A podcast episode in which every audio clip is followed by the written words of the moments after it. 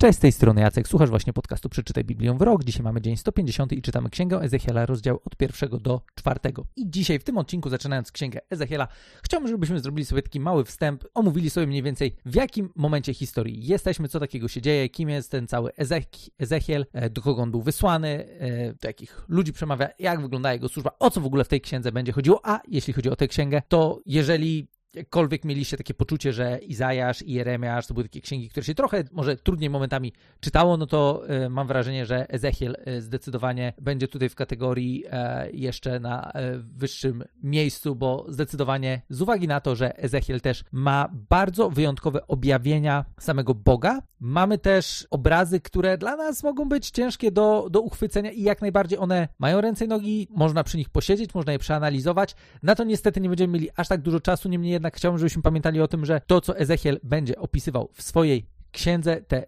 takie wyjątkowe spotkania z Bogiem, których on doświadczy, są naprawdę ważne. To nie są, to nie są jakieś błahe rzeczy, ale też Czasami jest tak, że akurat na przykładzie księgi Ezechiela, jeżeli ktoś chciałby gdzieś zbudować sobie jakąś wykręconą teologię, to spoko, wyrwij Ezechiela z kontekstu i tutaj masz materiał po prostu od groma do tego, żeby jakieś wykręcone rzeczy wymyślać, e, zwyczajnie nie rozumiejąc tak naprawdę wagi tego, co w tej księdze się dzieje. No i teraz, sam Ezechiel ma imię, które bardzo dobrze też opisuje i przygotowuje go na zadanie, które jest przed nim, e, bo jego imię oznacza e, wzmocniony przez Boga, czy Bóg wzmacnia, coś mniej więcej w tych okolicach. E, no i teraz on wzmocnienia ze strony Boga będzie potrzebował bardzo dużo, bo zdecydowanie jego służba będzie bardzo trudna. Podobnie zresztą jak to było w przypadku Izajasza i Jeremiasza. Lekko chłopaki nie miały, no bo zwyczajnie przesłanie, które mieli dla Izraelitów, nie było czymś, czego ludzie jakoś szczególnie chcieliby słuchać, woleliby pewnie posłuchać czegoś miłego, no ale tak naprawdę Ezechiel jest gościem, który jest na wygnaniu razem z grupą tysięcy Izraelitów, którzy w drugiej rundzie wygnania, bo teraz tak, jeśli chodzi o samo wygnanie, to, to, to zniszczenie Jerozolimy następowało w trzech etapach. To jest ważne, żebyśmy o tym pamiętali. Tak, pierwszy etap e, to był jeszcze za czasów króla Jehoiakina e, i wtedy już została część Izraelitów uprowadzona, między innymi Daniel, co jest też ciekawe, bo tutaj warto, żebyśmy pamiętali o tym, że niektórzy ci prorocy i te księgi, które czytamy, one działy się w tym samym czasie, jakby wiecie, z innych punktów widzenia do innych ludzi, w trochę innych sytuacjach, ale tak, na przykład Daniel był zdecydowanie gościem, który miał spokojnie prawo znać Ezechiela, podobnie Ezechiel miał prawo e, jak najbardziej znać Daniela. I teraz tak, Daniel był tym, który w pierwszej rundzie wyleciał z Jerozolimy, e, Ezechiel w drugiej rundzie. E, ta druga runda to było jakieś 8 może lat później, kiedy kolejna część Izraelitów została uprowadzona i później była trzecia część, jeszcze po kolejnych tam niecałych 10 latach, kiedy to już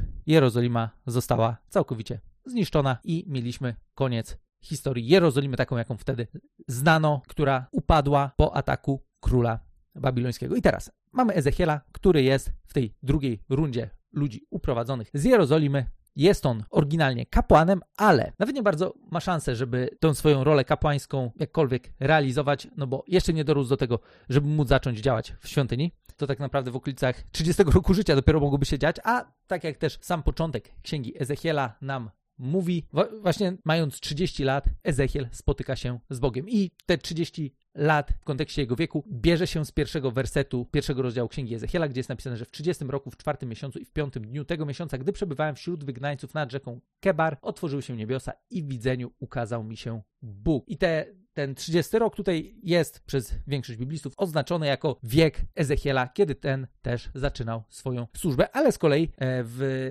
w niewoli znalazł się on 5 lat wcześniej, więc miał 25 lat, jak został uprowadzony i teraz w wieku 30 lat zaczyna swoją służbę. Bóg go powołuje do tego, żeby dzielił się Bożym przysłaniem wobec e, Izraelitów, którzy są na wygnaniu. No i właśnie, mamy ludzi, którzy są na wygnaniu, którzy być może znowu zastanawiają się, za co to wszystko, co takiego zrobiliśmy, czy w ogóle jesteśmy w stanie to odkręcić. Wiecie, są w sytuacji, w której no, tej nadziei za dużo nie ma. I zdecydowanie ważne jest to, żebyśmy pamiętali o tym, do kogo Ezechiel kierował swoje słowa, bo to też pozwoli nam lepiej złapać to, co takiego on faktycznie mówił, bo z jednej strony on dużo czasu poświęca na to, żeby mówić o tym, dlaczego jesteśmy tu, gdzie jesteśmy, jako Izraelici. To jest, to jest jedna ważna rzecz. E, po drugie, będzie mówił też o Bożym sądzie nad narodami, no ale też oczywiście ku zaskoczeniu absolutnie nikogo będzie bardzo dużo na temat przyszłości, na temat świetlanej przyszłości, którą Bóg przygotował dla Izraela, ale nie tylko dla całego świata. I teraz, jeśli chodzi o księgę Ezechiela, no to będziemy tutaj mieli zarówno proroctwa, znaki, symbole, przypowieści, więc ta lektura będzie dosyć e, ciekawa i mo będą może takie momenty, gdzie będziemy czytać i będziemy się, no, okej, okay, dobra, co tu takiego się dzieje. Zdecydowanie Ezechiel jest tutaj dosyć wyjątkowym prorokiem, jeśli chodzi o te elementy, które właśnie w jego dziele będą się pojawiały. Z jednej strony moglibyśmy sobie pomyśleć, że Izraelici, którzy już są na wygnaniu, mogliby jakby zakumać na tym etapie, no dlaczego tak skończyli. I nie wiem, czy wy też, wy, wy, tak macie, ja zdecydowanie tak mam. E, często są takie sytuacje, gdzie kiedy coś schrzanie, naprawdę brutalnie coś schrzanie, to jeżeli ktoś stoi nade mną i mówi, Jacek, ale patrz jak źle zrobiłeś, patrz jak źle zrobiłeś, to ja bardzo często mam tak, że, no, nie musisz mi mówić, ja to wiem, jakby, no kumam, jakby wiesz, pytanie teraz, co mogę z tym zrobić, czy mogę to jakoś odkręcić, mogę w jakiś sposób e, coś z tą sytuacją teraz zrobić, żeby naprawić swój błąd. I sądzę, że wielu z nas tak ma, że my nie potrzebujemy tego, żeby ktoś nam jakoś szczególnie tłumaczył, co takiego poszło nie tak. Niemniej jednak tutaj mamy Izraelitów, którzy no, oni do teraz nie kumają, co takiego poszło nie tak. Dlaczego żeśmy tak źle skończyli? Ale po tym, jak już Ezechiel wyjaśni im tę kwestię, która zdecydowanie jest ważna, no to jest jeszcze jeden element, który jest ważny, szczególnie z naszej perspektywy, bo jeśli chodzi o księgę Ezechiela, to on ma bardzo dużo wizji związanych z przyszłością, która wciąż z naszej perspektywy dzisiaj jest przyszłością, z rzeczami, które się nie wypełniły. Ja wiem, że to też mieliśmy u mm, Izajasza, mieliśmy u Jeremiasza, ale jeśli chodzi o Ezechiela, no to zdecydowanie tutaj są takie bardzo mocne przebłyski w przyszłość, kto, która jeszcze nas dotyczy w zasadzie, która jest związana też z drugim przyjściem Chrystusa, z tak zwanymi czasami ostatecznymi, więc tutaj zdecydowanie jest to księga, która wciąż z naszej perspektywy jest jak najbardziej aktualna. Nie tylko z perspektywy tego, żebyśmy załapali, co takiego poszło nie tak w historii, żebyśmy gdzieś tam odkryli, co Bóg mówił do swojego ludu, kiedy ci byli w niewoli babilońskiej, ale tak naprawdę wciąż mamy elementy, które nas bezpośrednio mogą dotyczyć. Więc to jest bardzo ważne, bardzo kluczowe, żebyśmy zwrócili na to uwagę. I rozumiem w tym miejscu też, że kiedy mówię o takich rzeczach, jak właśnie, nie wiem, wiecie, powtórne przyjście Jezusa, czy czasy ostateczne, to ktoś może powiedzieć, że kurczę, Jacek, w ogóle ale odlatujesz, o czym ty gadasz w ogóle? I już abstrahując od tego, że y, jeżeli jesteś bywalcem niedzielnych mszy, no to zdecydowanie też y, jesteś osobą, która co jakiś czas powtarza to, że e, oczekujesz jego przyjścia w chwale. E, I to jest e, jeden z fragmentów wyznania wiary, który jest po prostu powtarzany w niedzielę. I co jest ciekawe, E, my często nie zwracamy uwagi na to, co takiego mówimy, e, a nie zmienia to tego, że wyznanie wiary, które właśnie ustami często wyznajemy, e, jest też czymś, co jest osadzone w dużej mierze, w dużej mierze, no jest osadzone w przesłaniu Biblii, więc jeżeli my mówimy, że w to wierzymy, no to teraz nie krzywmy się, kiedy nagle pojawi się taki temat właśnie związany z tym, że hej, jeszcze jest pewna przyszłość przed nami, w której Bóg będzie realizował dalej swój plan i my możemy być tego częścią. Czy możemy, nie możemy, czy teraz żyjemy w tych czasach, czy będziemy żyć w nich, czy kolejne pokolenia będą w nich żyć. To jest jakby inna historia i nie teraz nam się tym zajmować. Niemniej jednak ważne jest to, żebyśmy pamiętali o tym, że to, co mamy napisane w Biblii, ta cała chronologia dziejów biblijna, ona się nie skończyła wraz z Biblią, tylko są jeszcze elementy, które wciąż są związane z naszą przyszłością. I teraz, my możemy oczywiście powiedzieć, a Jacek, gila mnie to, nie bardzo mnie to interesuje, wiesz, interesuje mnie to, co Biblia mówi dla mnie tu i teraz, wiesz, jak żyć i tak dalej.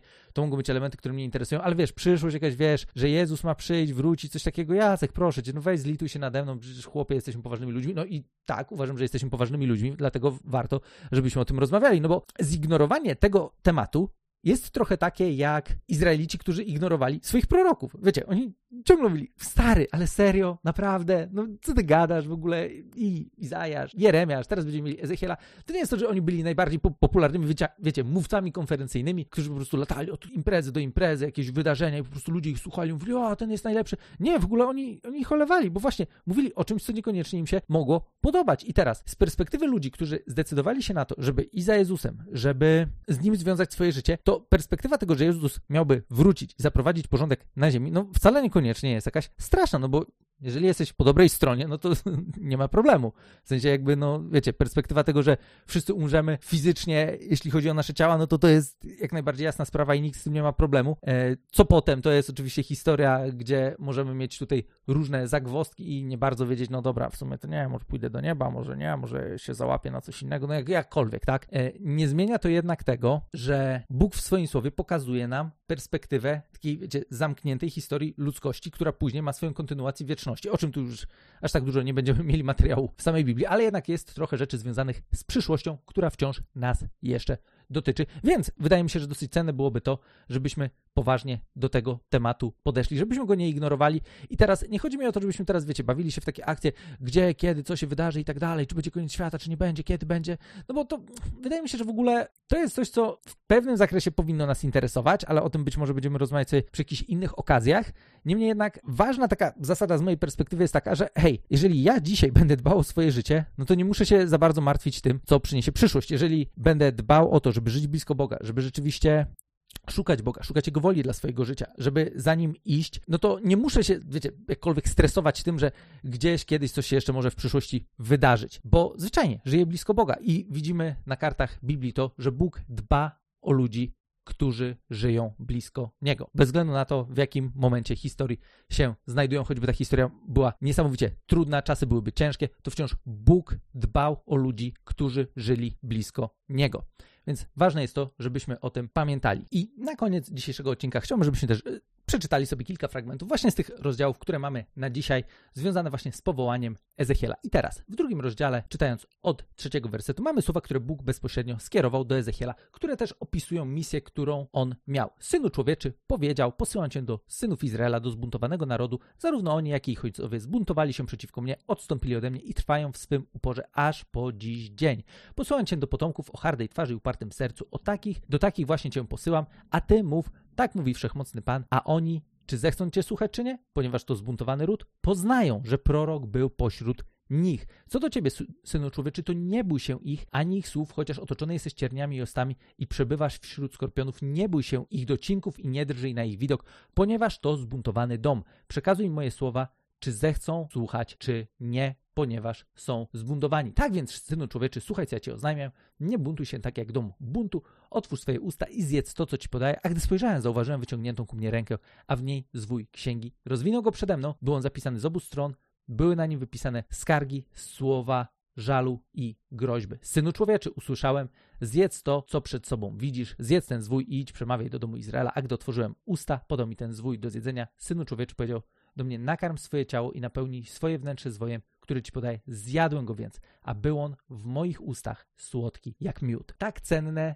jest Boże Słowo. Ja tutaj być może jak zauważyliście, śledziliście, to też przeskoczyłem od razu gładziutko do rozdziału trzeciego, ale właśnie te słowa, które Bóg kierował do Izraelitów, pomimo tego, że były trudne. I to jest też właśnie zaznaczone, że to są słowa związane ze skargą, żalem, groźbą to jednak dla Ezechiela one były słodyczą, bo były słowami samego Boga. Bez względu na to, czy słowa, które Bóg do nas kieruje, są miłe czy nie. Możemy czasami mieć poczucie, że ej, ale to jest niemiłe, ja bym w ogóle us- wolał usłyszeć coś sympatyczniejszego. To jednak ważne jest to, że to, co dla nas jest najmilsze i najcenniejsze, najsłodsze, jest słowo, które wychodzi z Bożych ust. Ono jest w stanie przemienić nasze życie. I dalej, jeszcze właśnie w rozdziale trzecim, w dziesiątym wersecie jest napisane, Synu człowieczy powiedział także wszystkie słowa, które ci oznajmiał, weź sobie do serca i słuchaj ich z największą uwagą. To jest ten fragment, z którym chciałbym nas dzisiaj zostawić. Wszystkie słowa, które ci oznajmiam, weź sobie do serca i słuchaj ich z największą uwagą. To są te słowa, które są przed nami. To jest to przesłanie, które Ezechiel miał dla Izraelitów. I teraz, jasne, nie będzie to jakaś banalna lektura. Co będę mógł zrobię, żeby jak najłatwiej nam się czytało, żebyśmy gdzieś rozumieli, co takiego się dzieje, tak jak to miało miejsce też w poprzednich księgach, w poprzednich odcinkach, ale nawet jeżeli będziemy właśnie w sytuacjach, w których będziemy mieli poczucie, że kurczę, to jest naprawdę ciężka księga, o co tutaj chodzi i nawet podcast mi nie pomaga, e, to pamiętajmy o jednej ważnej rzeczy, o tym, co Bóg powiedział Ezechielowi wszystkie słowa, które ci oznajmiam, weź sobie do serca i słuchaj ich z największą uwagą. Może być tak, że księgę Ezechiela będziecie czytać raz, drugi, trzeci, gdzieś tam kolejny i może dopiero wtedy z perspektywy też szerszego kontekstu innych fragmentów Biblii będziemy dostrzegać piękno tego, co Bóg chciał przekazać Izraelitom przez Ezechiela, co również chce dzisiaj przekazać nam, więc weźmy sobie te słowa do serca. Jeżeli na dzisiaj będziemy mieli taki moment, że powiemy, kurczę, ciężko się to czyta, to okej, okay, czytajmy dalej, po prostu czytajmy. Powiem wam szczerze, że jeżeli przeczytacie księgę Ezechiela, to już tak naprawdę jesteście w top w ogóle mistrzów czytania Biblii, bo to nie jest księga jakoś szczególnie chętnie czytana i nie dlatego, żeby ona była właśnie nie warta tego, żeby ją przeczytać, tylko dlatego, że zwyczajnie no nie jest to prosta lektura i często gdzieś nawet osoby, które sięgają w miarę regularnie po Biblię, Księgę Ezechiela, pomijają albo jedynie sięgają po jakieś tam wybrane historie, które oczywiście też pewnie e, zahaczymy, odniesiemy się do nich, bo będzie też kilka bardzo ważnych, bardzo ważnych fragmentów, które być może już nawet nam są dzisiaj znane. Z mojej strony tyle na dzisiaj. Jeżeli byście mieli pytania, chcielibyście podyskutować, a będzie o czym dyskutować, wejdźcie na stronę bibliawrok.pl. Możecie dołączyć do grupy na Facebooku, tam możemy sobie podyskutować i słyszymy się już jutro w kolejnym odcinku.